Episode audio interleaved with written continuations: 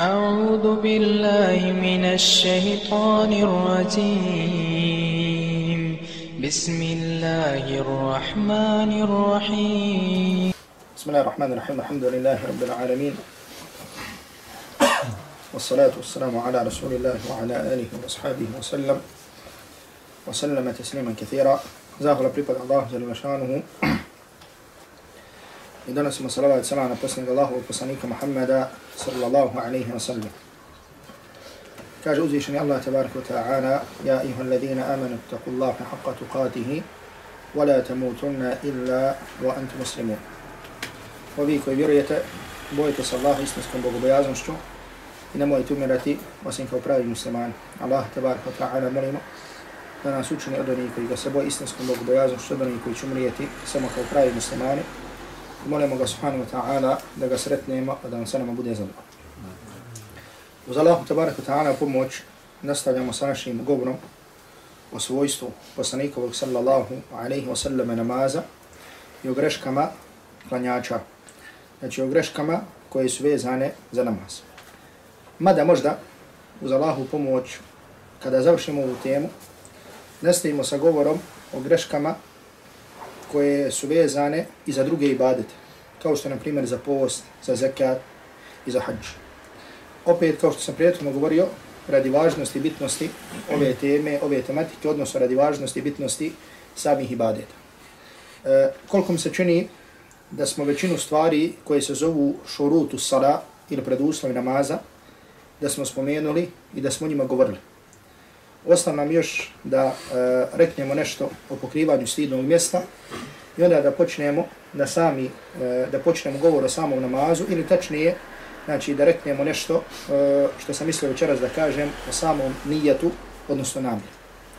E, draga braću, kada je u pitanju stidno mjesto ili pokrivanje stidnog mjesta u namazu, e, ovdje želim samo kazati da je konsenzus islamskih učenjaka da je obavezno pokrivanje stidnog mjesta u namazu.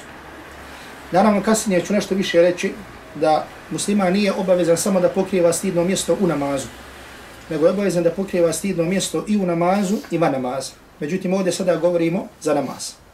Znači, jedan od preduslova ispravnosti namaza jeste da čovjek u namazu pokrije svoje, da pokrije svoje stidno mjesto. I kao što sam već rekao, kao što sam spomenuo, da je to koncenzus islamskih učenjaka, to jeste ne postoji razilaženje među islamskim učenjacima da je čovjeku obavezno da pokrije stidno mjesto. Od dokaza koje ukazuju na ovo su između ostalog reći Allah tabarik wa ta'ala u suri Al-A'raf gdje kaže Ja bani Adama hudu zinatakum anda kulli masjid. O sinovi Adamovi, lijepo se obucite kada hoćete molitvu da obavite. Ibn Abbas radijallahu ta'ala anhu kaže da se ovaj ajet odnosi athijabu fi salat da se odnosi na odjeću u namazu. I također hadis koji je zabilježio Ebu Dawud u svom sunanu, međutim, e, hadis govori o ženi, međutim, isti je propis za muškarca, da Allah poslanik sallallahu alaihi wa sallam kaže kada žena postane punoljetna, nije isprava namaz, ili Allah tabaraka wa ta'ala ne prima nije namaz osim sa himarom, to jeste osim sa šalom. Znači punodobna osoba, znači mora, punodobna osoba, mora da pokrije svoje, da pokrije svoje stidno mjesto. Dobro, uh, ono što dolazi sada ovdje što je najbitnije, jeste da kažemo koja je to granica stidnog mjesta. Naravno, ovdje, ovdje ću govoriti samo vezano za muškarce, zato što se propis, zato što se propis razlikuje za žene, pa o tome, o tome sada neću govoriti. E, ili ću spomenuti ukratko. Kada je u pitanju muškarac, znači muškarac je obavezno namazu da pokrije od pupka pa do koljena. Od pupka pa do koljena. Kod islamskih učenjaka postoji razilaženje da li samo koljeno, da li je stidno mjesto ili nije. Znači, jedan broj islamskih učenjaka kažu da je koljeno kao koljeno stidno mjesto, dok drugi kažu da nije stidno mjesto. Međutim, butina kao butina je definitivno stidno mjesto. Međutim, ovdje, znači, ako postoji razilaženje oko koljena, znači ono što ću ukratko samo spomenuti jeste da čovjek bi morao da pokrije i koljeno. I ako bi rekli da koljeno nije stidno mjesto, zašto? Zato što se nekada dešava da čovjek sjedne ili da digne nogu, pa tako da se otkrije ono što je iznad koljena. Međutim, sve ono iznad koljena je stidno mjesto. I zato čak i oni islamski učenjaci koji su rekli da koljeno nije stidno mjesto, rekli su da ga treba pokriti toliko da ako bi se čovjek pomjerio, da se ne otkrije ono što je, da se ne otkrije ono što je iznad koljena. I zato u ovim slučajima, znači iz predostrožnosti bolje je da čovjek vodi računa šta? Da pokrije, znači ispod koljena, iako, znači veliki broj islamskih učenjaka, to je mišljenje imama Ebu Hanife, a mezeba, kažu da je koljeno, da je koljeno stidno mjesto. Kada kažemo pupak, znači, znači ne misli se uh, samo pupak kao pupak, nego misli se pupak i ono što je u novou pupka, znači i sa leđa, i sa strane i tako dalje. Znači to je stidno mjesto muškarca gdje u namazu. I ovo je također, kao što ću kasnije reći, stidno mjesto muškarca van namaza. Znači, niko ne smije, osim tvoje supruge, znači da ti vidi ono što je između pupka i koljena. Znači, čak ni dijete koje razumije. Znači, čak ni dijete koje razumije. Šta znači razumije? Znači, koje zna da opiše. Znači, dijete, znači već od 3, po 4 godine i tako dalje, znači ni dijete u toj dobi ne smije da ti vidi, da ti vidi stidno mjesto. Znači, stidno mjesto muškarca, što je od pupka do koljena, između toga smije da vidi samo ko, da vidi supruga. Na osnovu hadisa koji je zabilio žebu Davudu u svom sunenu, gdje Allah poslanih sallallahu alaihi wa sallam kaže ihfav avrataka illa min zauđatik. Gdje Allah poslanih sallallahu alaihi wa sallam rekao čuvaj, čuvaj stidno mjesto osim od svoje žene. Čuvaj stidno mjesto osim od svoje žene. Naravno, kada je u pitanju žena u namazu, znači samo ću spomenuti, znači odu kratko, znači da je stidno mjesto žene u namazu, znači da pokrije se osim lica i šaka. Međutim, dok sami koljena kao koljena, znači tu kod islamskog učenjaka postoji, postoji razilaženje. Islamski učenjaci kada govore o pokrivanju stidnog mjesta kažu sljedeći. Da je uslov da stidno mjesto bude pokriveno, znači sa onim, znači da bude pokriveno sa nečim, tako da se ne vidi ono što je ispod. Znači da bude toliko da kažemo debelo, ili, ili drugim riječima da ne bude providno. Znači da bude pokriveno platnom, tako da se ne vidi, znači da ne ocrtava boju kože ispod. Znači mjerila je da li ocrtava boju kože ili ne ocrtava. I također, znači druga stvar, ili treća, znači rekli smo, znači prvo granica od pupka do koljena, drugo da bude šta, znači da, ona, da, da se ne vidi boja ispod, i treće da bude čisto. Što znači da bude čisto, to jeste da na tome ne bude neđaseta, da na tome ne bude najčista, međutim u nečistoćama, o tome smo govorili, o tome smo govorili prijetno. E, mada, ono što je došlo u sunnetu Allahu poslanika sallallahu alaihi wa sallam, jeste da Allahu poslanik alihi salatu wasalam rekao da niko ne klanja, da niko ne klanja, a da na svojim ramenima nema nešto. Da na svojim ramenima nema nešto. Znači tako, znači jedan broj islamskih učenjaka kaže da je čovjek obavezan u namazu, u namazu, znači ne ba namaza, nego u namazu, kada obavlja namaz da pokrije i svoja ramena. Mada drugi broj islamskih učenjaka kaže da mu je namaz ispravan, međutim da je, da je šta? Da je pokuđeno. Međutim kažu da je šta?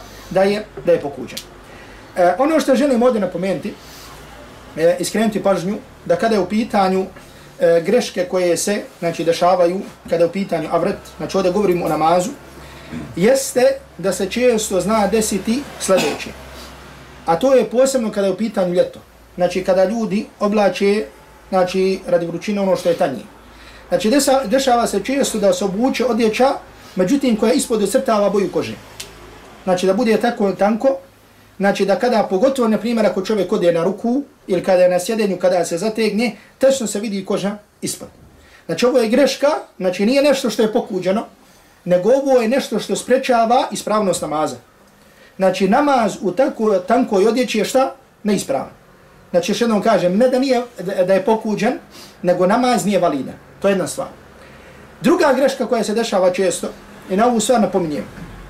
I zato Allah vas nagradio, znači ove neke stvari kada napomenem, znači ne napomenem ja ovdje samo da kažem. Znači mi ovdje govorimo o Allahovoj vjeri. Znači nije cilj meni sada da ja ovdje pripremim neko predavanje, da dođe neko da mi posluša, da čuje nešto zanimljivo i tako dalje. Znači mi vjeru, Allahu vjeru učimo zašto? Da to primjenimo. I zato svaki od nas mora da uči sebe kad mu bude upućen neki savjet da taj savjet prihvati. Znači kada vam bude upućen neki savjet da taj savjet prihvati i da vodi računa o toj stvari. Pogotovo ako se radi o stvarima koji su vezane za namaz. Također kada je ljeto često se dešava na primjer da ljudi navode e, e, važnost na ovratu kada je u pitanju namaz u smislu kada, e, da se otkrije jedan dio leđa kada čovjek ode na ruku. Znači čovjek kada ode na ruku, često se dešava, pogotovo ako čovjek obuče kraću majicu, znači ode na ruku, znači otkrije sedam jedan dio leđa. Znači otkrije se ono što je ispod pupka, međutim sa strane šta? Sa strane leđa. Rekli smo, znači ne samo pupa kao pupak gdje avret, nego pupak je ono što je na nivou pupka. Znači čovjek ako namjerno, obrate pažnju sad na ovu stvar, islamski učenjaci su govorili, ako se desi, ako se desi da su namazu otkrije jedan dio avreta nenamjerno. Znači nenamjerno se desi na neki način da se otkrilo. Pogotovo, na primjer, kod žene. Žena kad klanja, na primjer, stavi šal, klanja, desi se nekada da se, znači, marama, znači, otkači i da se vidi, na primjer, otkrije se jedan dio vrata. Da, da se to desi nenamjerno i da žena odmah vrati, nema ispravan. Međutim, ako čovjek namjerno otkrije, pa makar mali dio svog avrata u namazu, namaz mi je neispravan. I zato, znači, vodite računa ovim stvarima da čovjek ne, u, da se ne desi, da obavljaš namaz, međutim, znaš da ti jedan dio avrata otkriven. Znači, ovdje se čovjek mora bojati Allaha. Znači, spana da znamo, kad smo namazu, padaš Allahu na seđdu. Znači, to je najuzvišenije mjesto na dunjalu. I mjesto kada si najbliži svom gospodaru. Uzvišeni Allah ti učinio, odnosno dao od propisa, učinio od propisa, da na seđdu ne padaš osim da ti je stidno mjesto pokriveno. I neka se sveka Allaha boji da pada na seđdu, a da mu je stidno mjesto, da mu je stidno mjesto otkriveno. I zato, znači, Allah vas nagradio, znači, i, znači, kada u pitanju tanka odjeća i kada u pitanju otkrivanje leđa. Znači, ovdje kažem još jedno napominjem, podebljavam. Znači, nije ovdje da se radi o tome da je namaz pokuđen, nego da je namaz, da, u tom, da namaz nije, da namaz nije ispravan. Također od grešaka koje se dešava, e, međutim ovo je više vezano za žene. Međutim od ovo spominjem, zato pogotovo znači, čovjek koji je oženjen, znači, ili da kažemo koji ima sestru i tako dalje, znači ima u porodci znači, osoba koja obavljaju namaz od ženskog roda i savjetuje da obavljanje namaza, a to ono što se proširilo u zadnje vrijeme, znači nekakav, e, kako nazivaju moderni hijab. Znači, a to je znači pokrivanje, u stvari to je otkrivanje. Znači, ti kaže, razumiješ, danas ima neko pokrivanje, ali malo modernije, znači to je šuplja priča. Znači, to je otkrivanje. Znači, nema pokrivanje, znači pokrivanje, pa pola pokrivanje, pa otkrivanje, tako dalje. Znači, ili pokrivanje kako Allah propisuje, ili znači drugi na kakvi še, šeitanski poslovi. Znači, onako kako je ženi naređen da bude pokrivena, jeste da bude pokrivena, ako će se vidjeti lice, znači da se vidi sve osim lica. A lice, znači, govorili smo šta je granica lica. Međutim, ono što se proširilo da ženi bude otkriven vrat, pa da je budu otkrivene i uši i tako dalje, znači to nema nikakve veze sa hijabom. Znači lakše je da stavi kapu na glavu da se ne vidi ko, kosa se Allah iman. Znači da se ne pegla. Međutim, hijab gdje se vidi vrat, gdje se vidi uši i tako dalje, to nije hijab. Pa makar da ga rezovete des puta hijab, ne znam šta. Znači lakše je da uzme malo veću kapu, znači da, da, da stavi, nego da se pegla, da veže i tako dalje. Ono što je također još veći musibet jeste što ženama u takvom hijabu je namaz ispravan sa ženama u takvom hijabu, nama je šta? Namaz ne ispravan. Međutim, ovo je stvar znači, koja se proširila, a ovakve stvari se ne mogu, znači neistina kada se proširi, ne može ostati, osim kada se, osim kada se ta stvar prošućuje, odnosno kada se na tu stvar, kada se na tu stvar ne ukazuje. Dobro, znači ovo ukratko vezano za stidno mjesto. Sljedeća stvar što nam je ostala, prije nego što počnemo govoriti o samom svojstvu namaza, znači u smislu kako je Allahu poslanik sallallahu alejhi ve sellem ulazio u namaz, kako je izgledao poslanik sallallahu alejhi ve sellem namaz, ostala jedna stvar, a to je čovjekova namjera. Znači čovjekov šta? Nijet. Znači ono se zove nijet, mi kažemo namjera, ili neki kažu nijet, kako je osnova arapske riječi. Znači šta je nijet, šta je namjera? Jeste kada čovjek stane na namaz da zna šta će klanjati. Da zna šta klanja. U smislu da, da li klanja sabah, znači da li klanja, na primjer, sabahski sunnet i klanja sabahski fars. Znači ono sa čim se razlikuje, da kažem, ibadet od ibadeta ili ibadet od adeta, od običaja, jeste namjera.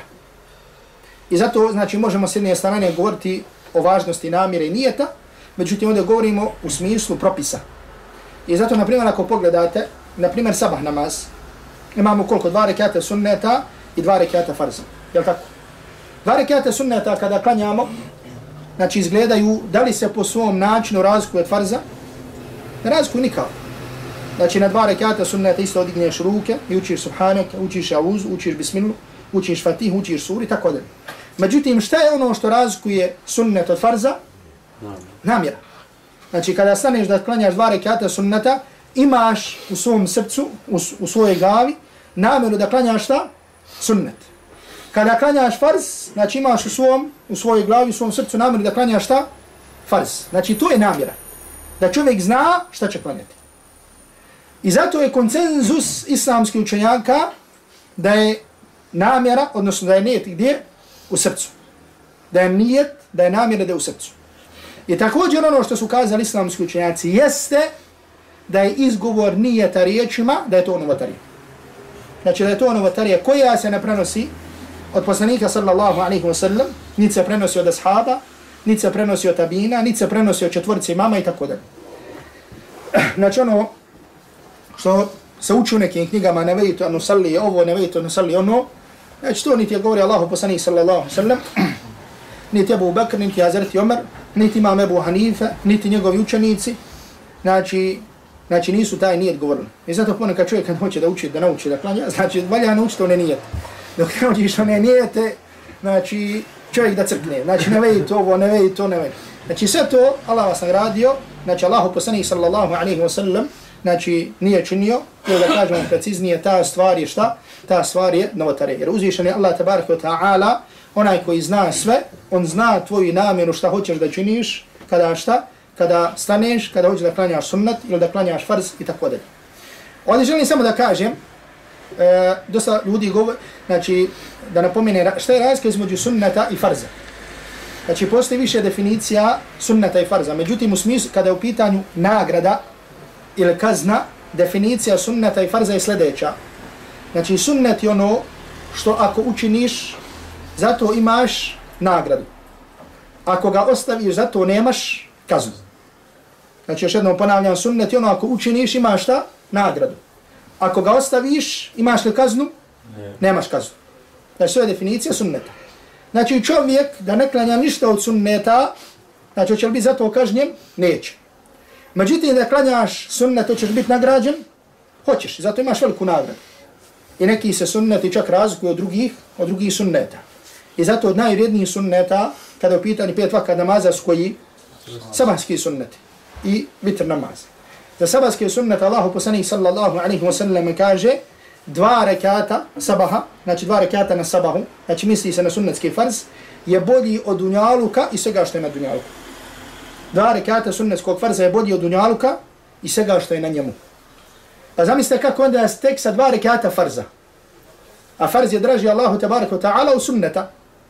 Jel tako? Na osnovu kuci hadisa, najbolje sa čim se može približiti, najdraže sa čim se može približiti moj rob je šta? Ono što sam mu naredio. mimme ftartu Ono što sam mu naredio. Zatim ono što sam mu učinio pohvalni.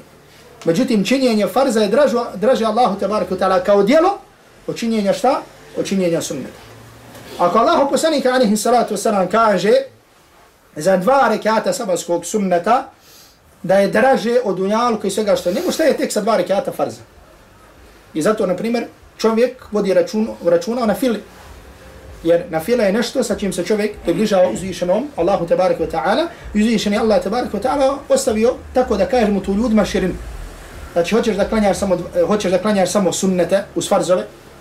Ko hoće više od toga, može da klanja opću nafilu. Znači, pogotovo kada je u pitanju noćni namaz i tako da. Isto kao što smo govorili, isto tako u pitanju sa postom znači mimo Ramazana što je farz i tako dalje. Znači Allahu te bareke taala mudrost je da čovjek ima da čovjek ima širinu, da čovjek ima širinu po pitanju, da čovjek ima širinu po pitanju, po pitanju toga. Znači to je stvar po kojoj se razlikuje sunnet od farza. I kao što sam rekao, čovjek kada stane da klanja dva rekata sunneta ili dva rekata farza, znači bitno je da čovjek ima šta? Da čovjek ima namjeru, da čovjek ima namjeru toga. Međutim, izgovor riječima, kao što sam rekao, znači to je stvar koja nije u skladu sa sunnetom Allahu poslanika sallallahu alaihi wa sallam, jer Allahu poslanik sallallahu alaihi wa sallam to nije učinio. I zato kada uh, neko može reći ili kazati, dobro, Boži poslanik alaihi salatu wa nije to učinio, međutim nije ni zabranio. Jer Boži poslanik zabranio da se to učini prilikom namaza? Nije. Međutim, draga breću, kada, uh, kada su pitanju ibadete, ibadete činimo isključivo onako kako je činio Allahu poslanika alaihi salatu wa i činjenje svega suprotno tome je novotarija. Međutim, kada su pitanju dunjalučke stvari, da kažemo način oblačenja, način ovoga, način ovoga, znači sve je to dozvoljeno, osim za što je došlo tekst da je šta? Zabranjeno. Međutim, kada u pitanju ibadet i način činjenja ibadeta, kao što je način činjenja zikra, način činjenja obavljanja namaza, znači moramo se strogo držati onoga kako je to obavljao Allahu poslanik sallallahu kako je to obavljao Allahu poslanik sallallahu alejhi alejhi ve sellem. Ovdje želim samo da spomenem još jednu stvar, a to je kada sam e, malo prije govorio o stidnom mjestu. Znači ovdje želim da dam nekoliko napomena. Allah vas nagradio. Hvala Allahu koji nas je počastio, pa smo muslimani, da učimo vjeru iz Kur'ana i sunnata Allahovog Resula sallallahu alaihi wa sallam. Znači ono što je e, došlo na jeziku Allahovog poslanika alaihi salatu vesselam jeste da je rekao ihfad aurataka illa min zauđatika čuvaj svoje stidno mjesto osim od svoje žene. Naravno, čuvanje stidnog mjesta, osnova da kažemo toga, jeste, ili da kažemo da je to jedan od vrata, da su to vrata koje se zatvaraju ili s druge strane otvaraju ka putu bluda ili zinaluka. Znači, znamo da je blud i zinaluk jedan od najvećih grijeha koji su došli u Kur'anu i sunnetu Allahovog Rasula sallallahu alaihi wa sallam. I zato vidimo koliko je stvari koji vode ka zinaluku, znači koji su vrata do zinaluka, uzvišeni Allah tabarak wa ta'ala je to zabranio, kao što je pogled, kao što je dodir i tako dalje.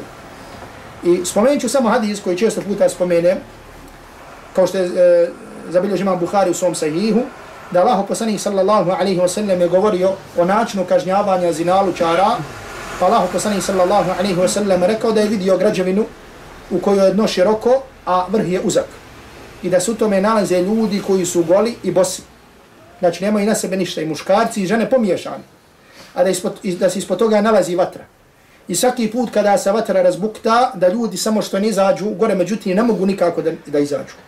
Pa Allah poslanik alaihi salatu wasalam kada je vidio ovaj prizor, upitao je Džibrila ko su to. Pa je Džibril alaihi salam rekao Allahom poslaniku alaihi salatu wasalam humu zunat. To su oni koji su šta? Koji su činili zinavuk. I zato kao što sam rekao uzvišeni Allah tabaraka wa ta'ala u Koranu kada govori o bludu, o zinaluku, ne kaže nemojte činiti zinaluk. Nego kaže wala taqrabu zina. Nemojte se približavati zinaluku. Allah poslanik alaihi salatu wasalam je zabranio pogled, znači ono što je zabranjeno, pa je nazvao da oči čine zinaluk, a da je zinaluk oči u šta? Pogled. Da ruke čine zinaluk, da zinaluk ruka, da dodiruju, na noge, a tako što idu ka tome i tako dalje. Znači od toga je da čovjek čuva svoje stidno mjesto. I zato musliman, kao što sam bio spomenuo, i u namazu, i van namaza, draga vraću, mora da vodi računa o svom stidnom mjestu. I zato, na primjer, kada se bavi sportom ili ide na neku rekreaciju i tako dalje, navikava sebe, uči sebe, da, uči sebe da kada ide, da, da također tu vodi računa o svom stidnom mjestu. I zato napominjem, znači postoje mnoge stvari, znači čovjek ne, može, znači, ne kaže da su zabranjeni. Međutim, čovjek samo sebe treba da nauči kako na ispravan način da to obavlje. Znači Allah te barek ta'ala je dozvolio sport. Čak preporučio da musliman bude jak, da bude, znači to stvar. Međutim, ne smije čovjek da dozvoli sebi na takvim mjestima da krši Allah te barek ta'ala granice. Jer otkrivanje stidnog mjesta, ako se vratimo na govor, se ne sada od ome ne govorimo, nego samo skrećem pažnju, je velika stvar. I zato se prenosi da sahaba da su govorili, kaže, kaže da umrem, pa da budem proživljen pa da umrem, pa da budem proživljen, pa da umrem, pa da budem proživljen. Znači, proživljenje je velika stvar, te gobe. Znači, da umrem, pa da budem proživljen, pa da umrem, pa da... Tri puta. Kaže, lakše mi je nego da mi neko vidi stidno mjesto ili da ja nekome vidim stidno mjesto. Lakše mi je nego, lakše mi je, kaže, nego da meni neko vidi stidno mjesto ili da ja nekome vidim, da ja nekome vidim stidno, da ja vidim nekome stidno mjesto. Islamski učenjaci, Također, Allah dao svako dobro, su govorili, i ovdje sada nijem vremena da spominjem propis avreta, propis avreta ili propis stidnog mjesta kod djece. E, znači, islamski učenjaci su govorili, znači da, na primjer, malo dijete, koji su po četiri godine, tako dalje, znači da njegovo stidno mjesto nema propis stidnog mjesta. Međutim, djeca koja su starije tako dalje, da imaju stidno mjesto. Međutim, postaju obavezni da pokrivaju svoje stidno mjesto kada postanu punoljetni. A mislim da smo govorili šta je granica punoljeca islam. Međutim, ono što želim da napomenem, e, jeste da djeca, znači koji nisu obveznici šariatski, međutim njihovi staratelji su obavezni da ih navikavaju na granice šarijata. Pa znamo također da čovjek postaje obavezan da obavlja namaz kada, kada je punoljetan. Međutim, Boži poslanik alihi salatu wasalam i naredio roditeljima šta? Znači, hoće li čovjek, na primjer, ima djete, hoće li čekati da djete postane punoljetno, onda kaže djetu, e, sad moraš klanjati. Znači to teško. Znači da djete kaže, e, danas sam baba postao punoljetna, sad ću stati na namaz. Ili da djevojčica kaže, babo, danas sam postala punoljetna, majku postala sam punoljetna, danas trebam staviti hijab, ne. Znači čovjek mora navikavati djete od malena. I zato ono što je došlo u jezik, na jeziku Allahovog poslanika, alaihi salatu wasalam, jeste da Allah poslanika alaihi salatu wasalam kaže navikavajte djecu da obavljaju namaz sa koliko? Sa sedam godina. Navikavajte djecu da obavljaju namaz sa sedam godina. I zato čovjek znači, mora da vodi računa o svojoj porodci. Kad kažem porodci, oni koji su pod njegovim okriljem. Kao što je žena i djeca. Znači žena, tvoja žena i tvoje djete su pod tvojim okriljem. I uzvišeni Allah tabarak wa ta'ala ti naređuje da vodiš računa o njima i njihovoj vjeri.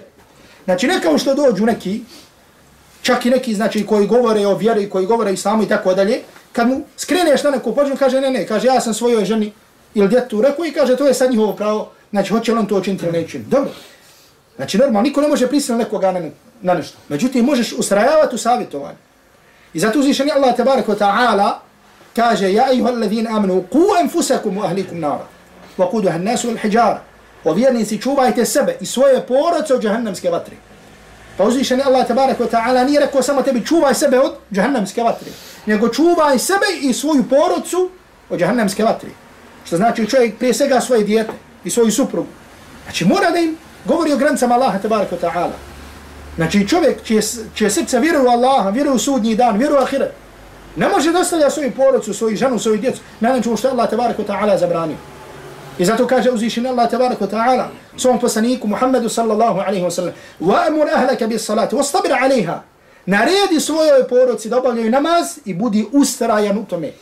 Znači ako je Božijem poslaniku Muhammedu sallallahu alaihi wasallam naređeno na ovakav način da mu se kaže naredi svoje porodice da obavlja namaz i budi ustrajan u tome. Znači wastabir alaiha dobro budi ustrajan u tome. Znači da sva nije mala. Da čovjek mora da vodi računa po svojim ukućanima, obavljaju namaz, da i savjetuje, da je lijepo savjetuje, da govori o pohvalnim stvarima namaz, nagrad namaza, o, o, o posljedicama ostavljanja namaza i tako dalje. Međutim, čovjek mora da bude aktivan na tom polju, na savjetovanju, Znači kao što smo više puta govorili, ne do Allah tabaraka wa ta'ala da neko iz svoje porodice, ili da kažemo od komšija, od poznanika, znači kako bi se čovjek osjećao da ode na onaj svijet pred Allah tabaraka wa ta'ala, da Allah tabaraka wa ta'ala nije padao na seđdu, Allah tabaraka wa ta'ala molimo, molimo da nas od toga, znači da nas od toga sačuva, da nas, da nas uputi na pravi put i da nas učvrsti, da nas učvrsti na pravom putu. E, ovdje želim samo da, e, ovdje želim da se dotaknem jedne stvari, jer nekoliko, e, da kažem, ljudi su ukratko zatražili da spomene neko pojašnjenje toga, a to je pitanje mezheba. Ili što su to mezhebi? Znači, pogotovo sada kada govorimo e, o namazu, na primjer, čućemo da, da kažu, na primjer, u ovom mezabu se, u hanefijskom mezabu se kaže tako, ili u ovom mezabu se kaže tako, pa ljudi pitaju što su to mezebi. Znači, mezebi, draga braću u islamu, su pravne škole. Znači, u islamu imamo četiri mezheba, a to su hanefijski, malikijski, šafijski, hanbalijski. Znači, to su, da kažemo, pravne škole, znači, e, koje nam pojašnjavaju način obavljanja ibadeta. Znači, tako da kažem ukratko. I drugi stvari koji su vezani za pravo.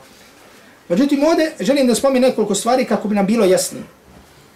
Naprimjer, e, a to je, znači, da svi ovi mezhebi imaju imama za kojeg se vežu. Pa tako, na primjer, hanefijski mezheb se zove hanefijski po kome? Po imamu Ebu Hanif. Malikijski po imamu Maliku. Šafijski po imamu Šafi. Hanbelijski po imamu Ahmed ibn Hanbel.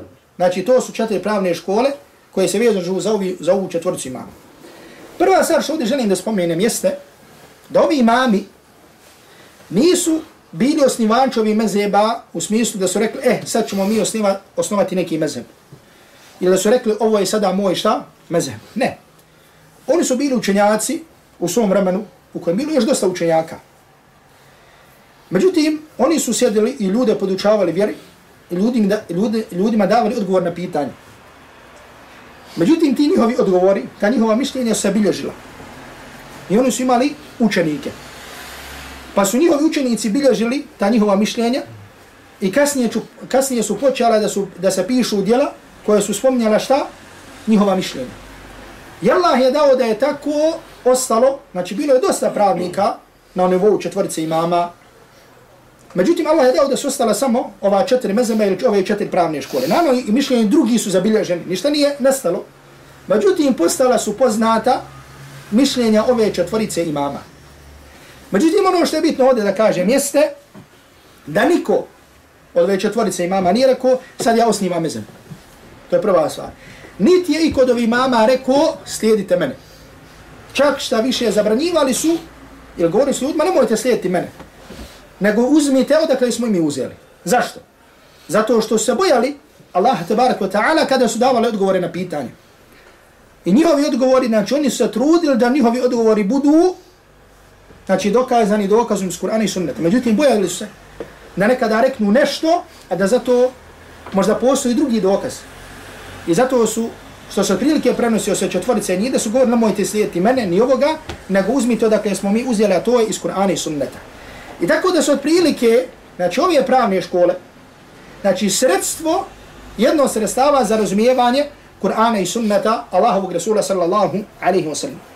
Međutim, vremenom posljednji, znači možda nekoliko stoljeća i tako dalje, znači pojavilo se nešto što se zove fanatizam, mezhebski fanatizam. Pa su njihovi sljedbenici počeli da pozivaju strogo da se pridržava samo njihovog mišljenja. Na primjer, oni koji slijede Ebu Hanif, znači u, jednoj, kad, u jednom vremenu su počeli da govore samo treba uzeti od Ebu Hanife. Šaf, samo treba uzeti od imama Šafi. Čak dotle da su počele da nastaju da, tako da kažemo mržnje i netrpeljivost između sljedbenika mezheba. Pa se tako znalo da su neki veliki, veliki centri u islamu, da su u jednoj džami poslali četiri mihraba. Znači baš kad klanio Hanefije za svojim imamom, baš kad klanio Šafije, baš kad klanio Malikije, baš kad klanio Hanbeli. Čak u jednom vremenu je tako bilo mekanskom haram. Da je bilo posebno ime kad su klanjali Malikije, znači da, da kažemo, čeka se da jedni završi namaz pa dođu drugi. Znači klanjali bi Hanife, Hanefije pa ovi pa pon, međutim svak bi klanio za svojim imamom, ne bi htjeli da klanjaju i za drugog imama. Dokle da su počeli da raspravljaju da li ima Mehdi kada se pojavi, i Isa alaihi salam kada dođe, da li će biti na hanfijskog mezheba ili će biti šafijskog mezheba ili će biti hanbelijskog mezheba, pa su i ovi rekli biti hanefijskog mezheba, ovi su rekli ne bit će šafijskog mezheba i tako dalje, znači stvari koje nemaju veze niti sa Kur'anom, niti sa sunnetom, da kažem niti sa razumom. Ono što želim ovdje da istaknem jeste da su svi imami, imam Ebu Hanif, rahmetullahi alaihi, pozivali da se drži Kur'ana i sunneta Allahovog Rasula sallallahu alaihi wa sallam. Ovo spominjem zato što veliki ili neki ljudi danas koji govore hanefijskom mezhebu, znači isto kao tako da kažem, draga breću, na jedan način kao da hoće da manipulišu masama. Pa kažu hanefijski mezheb, pa kažu naša tradicija. Međutim, oni sami niti imaju veze sa hanefijskim mezhebom, niti imaju veze sa tradicijom, nego samo koriste ti riječ kao da bi te riječi na neki način bile manipulacije. Mnogi stvari kada vidi što čini nicu hanefijski mezheb, nicu ovo i tako da. I zato ono što je najbitnije jeste da jedan musliman, znači musliman, znači koji ima razum, ne smije da bude naivan, da kažem drugim riječima glup, nego mora da nauči od Allahove vjere toliko da zna na koji način i od koga će učiti vjeru. Znači na koji način i kako će učiti vjeru. I ovo je jedno od najbitnijih pitanja vjere. Da znaš kako ćeš i od koga ćeš naučiti Allahu tabaraka ta'ala vjeru. I zato nemoj dopust da budeš naivan, da učiš Allahu vjeru od onih koji trguju sa vjerom. Niti sa onim koji uzimaju vjeru, vjeru za sredstvo da dođu do položaja ili da dođu do, nja, do, nja, do dunjaluka. Nego se Allahu tabaraka ta'ala vjera uči od onoga koji je učen i od onoga koji živi u skladu sa islamom. Znači može čovjek da ima informacije o islamu, međutim gdje je njegov život? Tema. Znači ti vidiš, kad pogledaš njihove život, vidiš da ne žive životom islama. Znači vidiš da u njihovom privatnom ili životcem nema tu ubala islama. Znači ne može čovjek biti na nekom položaju vjerskom, da se fura kako vozi ovako ili neko auto, međutim, da ima toliko i toliko plat, međutim, da nikako nije otišao na hađ. Znači, čovjek ima hiljadama maraka ili voza auto, međutim, ne, nema dobavlja tu dužnost. Šta hađe za običnu buranu, jel, da oni idu, znači ljudi se trude, rade na bauštalu, međutim, imamo ljudi koji govore o Allahove vjeri, znači šta je za njih, jel vrijedi za, za njih taj islamski propis. Znači, vidiš ljude ne žive propisom, ne žive tom vjerom. I zato čovjek mora da zna od koga i kako, draga braćo, da uči Allahu tabarak wa ta'ala, Allahu tabarak wa ta'ala vjeru. Jer ovaj život kojim živimo je kratak. I sve ono što činimo, sve ono što činimo, mora da bude naša obskrba za ahiret. Znači bilo kad učimo vjeru, bilo kad podučavamo vjeru, bilo kada Znači sve to naša obskrba za ahiret. Čovjek kada umre, poželit će da se vrati najmenje dobro djelo da učini. Poželit će da se vrati najmenje dobro djelo da učini. Međutim, od najvrednijih stvari jeste učenje vjere, da naučiš o vjere i da druge podučavaš vjere. I zato, kada danas međusobno govorimo o, o islamu, kada govorimo o stanju muslimana i tako dalje, pa dosta puta dešava se govorimo o mnogim negativnostima. Kaže, vidi kako ovdje se čini ovo, vidi ovdje se čini ovo, u ovoj džamiji se naklanja, ova džamija je zatvorena, ovo ovako, ovo onako, dobro. To je sve tako. Međutim, musliman treba da zna na koji način da, utem, da okrene svoju snagu i da ispravno koristi svoju snagu. Jedan od načina gdje svak od nas može da koristi svoju snagu i svoje djelovanje jeste da nauči vjeru i da drugome, druge tome poziva. I pozivanje islamu, podučavanje islamskim propisima, draga braćo, je u islamu od najboljeg vida i najvrijednijeg vida sadake. Znači da nekoga podučiš nekoj stvari islamu je bolje nego da se podijelio sadaku. Znači kažeš svom nekom prijatelju, govoriš mu važnost namaza. Između čovjeka, ono što smo spominjali, na primjer, između čovjeka i nevjerstva, je namaz. Koga ostavi od njih? Da prvo zašto je polagati račun ste namaz. Ako namaz bude dobar, sve će drugo biti dobro. Da kažeš ovom propisu, da kažeš. Znači bude od bilo koje druge sadake. I zato se prenosi da je rečeno Abdullah ibn Mubaraku, a znate ko je bio Abdullah ibn Mubarak? Bilo rečeno Abdullah ibn Mubaraku, Abdullah ibn Mubarak bio jedan najveći iz generacije Selefa. Kaže, kada bi ti bilo rečeno da će od tvog života ostati samo jedan dan, ma kunta sani'an, kaže, šta bi ti radio? Znači, pogledaj, dolazi čovjek Abdullah ibn Mubarak i kaže, kad ti bilo rečeno da je tvog života ostao samo jedan dan, šta bi kaže tada radio? Kaže, Abdullah ibn Mubarak, wa'allimu nas. Kaže, podučavao bi ljude podučavao bi ljude. Draga brać, ono što je bilo od pravca Selefa, od njihovog života, od ovih imama koje smo spomenuli, i da Bog do više čitamo njihovu biografiju i koristimo se i uzimamo pouke i poruke iz njihovih biografija. Ono za što su oni živili jeste bila vjera. I da ljude poduče, vjer, poduče vjeri, a ne da, da, da preko vjere dođu do ovog ili do onog položaja da ne kažem do dunjaluka ili dijela dunjaluka ili nekog bogatstva. I zato imam Ebu Hanife, rahmetullahi alaihi, je bio bičovan zato što je odbio da bude kadija. I po jednom mišljenju, imam Ebu Hanife umro u zatvor. Zato pogledajte ovog, ovog, ov, ove vidove iskušenja. I zato dosta puta, na primjer, kada čovjeka zadesi iskušenje neko tegoba u prstima, tjeskoba i tako dalje, čovjek kaže, zašto ovo i tako dalje, da ne spominjem sada. Od načina kako čovjek da prevaziđe iskušenja lakše, jeste da pogledaš generacije prije nas. I zato Allah tabarak wa ta'ala nam govori da, pogled, da, se, da čovjek pogleda živote poslanika, dobrih ljudi i tako dalje. I kad vidimo primjera veliki islamski učenjaka, kad vidimo primjer šehu Islama ibn Taymiye, primjer ovoga, primjer ovoga, šehu Islama ibn Taymiye, znači koji za sebe ostavio toliko i toliko, odjela umro u zatvoru. Međutim, imamo što je na primjer u 7. ili 8. stoljeću, neko bio toliko iskušavan. Međutim, zamisli da je neko tabina ili tabi tabina bio tako iskušavan. Pa tako, kao što sam rekao, ima Ebu Hanife, koji je bio tabin ili tabi tabin, generacija posle tabina, zato što kaže da je vidio Enes Ashab, međutim da je bio mal. Zamislite da takav učenjak umre u zatvor. Ili zamislite da takav učenjak bude bićovan, zato što je odbio da se prihvati kadiluka. Halifa ga pozvao da bude kadija, on odbio. Kaže, ja nisam za kadiluka. Bojio se da sudi među ljudima. Bojio se da ne bi presudio po nečem. Znači, i da po znači, da ne učini postupak koji nije ispravan. I halifa traži, halifa, međutim, odbio da bi ga na kraju bićovo. I kaže se, vahubin, vahubisa, vaduribe, i bio je zatvoren, i bio je bičovan. red čega zato što je bio da se prihvati kadiluka. I kao što sam rekao, po jednom mišljenju, umro je u zatvoru. A u istom vremenu, oni koji su ga opisivali, njegovo znanje, kažu, kada bi se stavilo na jedan ta svage znanje Bu Hanife, rahmetullahi alaihi, a na drugi ta svage znanje svih ljudi u njegovom vremenu, njegovih savrmenika, kaže, prevagno bi znanje Bu Hanife. Međutim, ta isti imam Ebu Hanife, će bi znanje prevagnuo, bude tako iskušan, što bude zatvoren, što bude udaren, ili po jednom mišljenju umre i zatvori, tako dalje. Zato kako je tako da iskušenje u našem vremenu?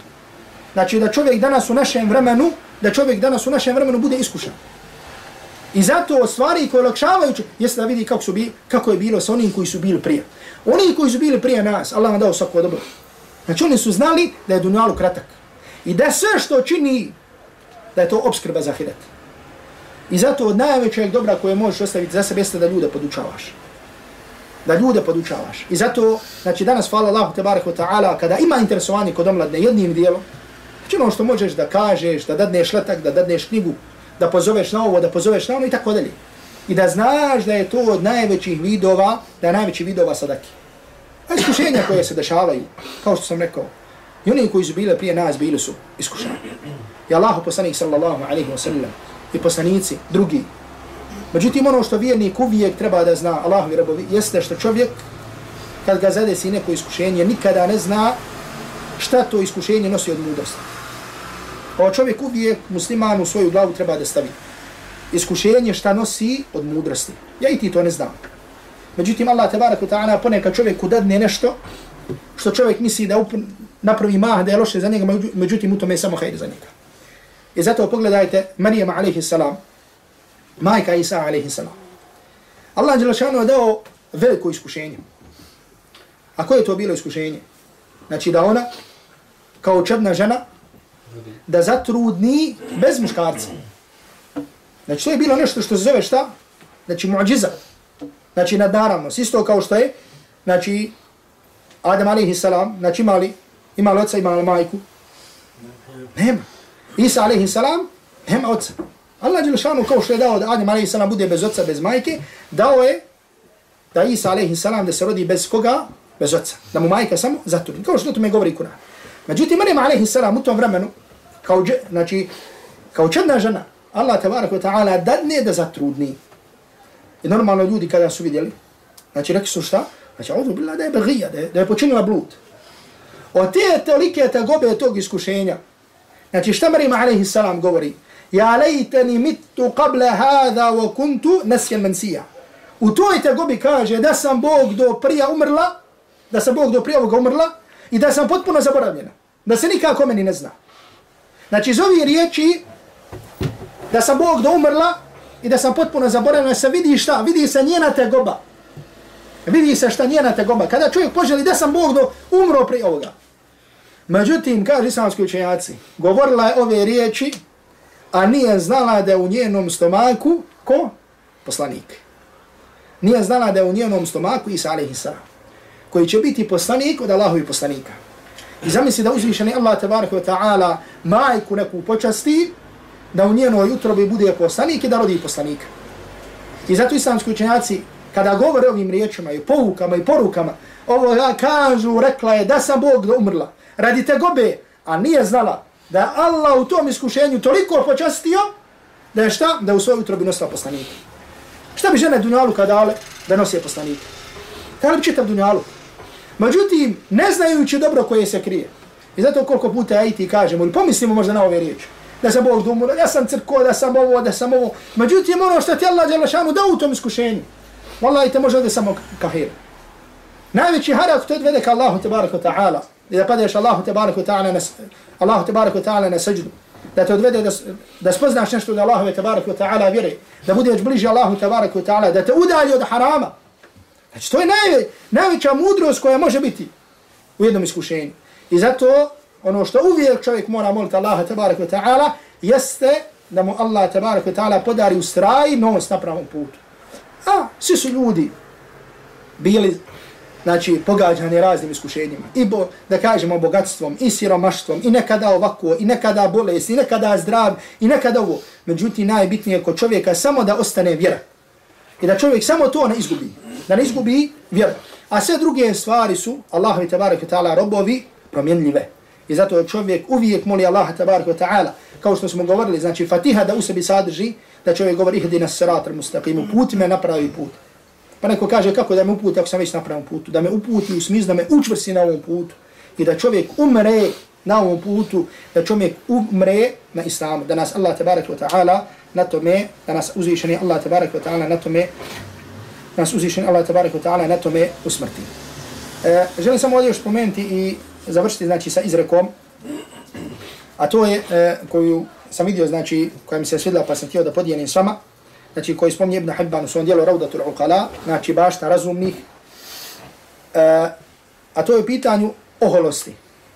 Želim ovdje da je spomenem, a to je da svak od nas također treba da stavi u svoju glavu i da zna da čovjek kada god krene nekim putem, kada se udalji od Allaha tabaraka ta'ala, ili prekorači Allaha tabaraka ta'ala granice, ili posebno u ovom kontekstu kada čovjek postane ohol, ili kada se čovjek uzoholi, da će ga uzvišeni Allah tabaraka ta'ala poniziti. I zato, na primjer, ako čitamo historiju, čovječanstva općanto, napravednih vladara i tako dalje, znači vidimo kakav je bio njihov znači svršetak, kakav je njihov, njihov bio ishod. Znači koliko god da su bili šta, znači napravedni da su bili oholnici i tako dalje. I zato musliman mora da bude najdalji, draga braćo, od osobine oholosti.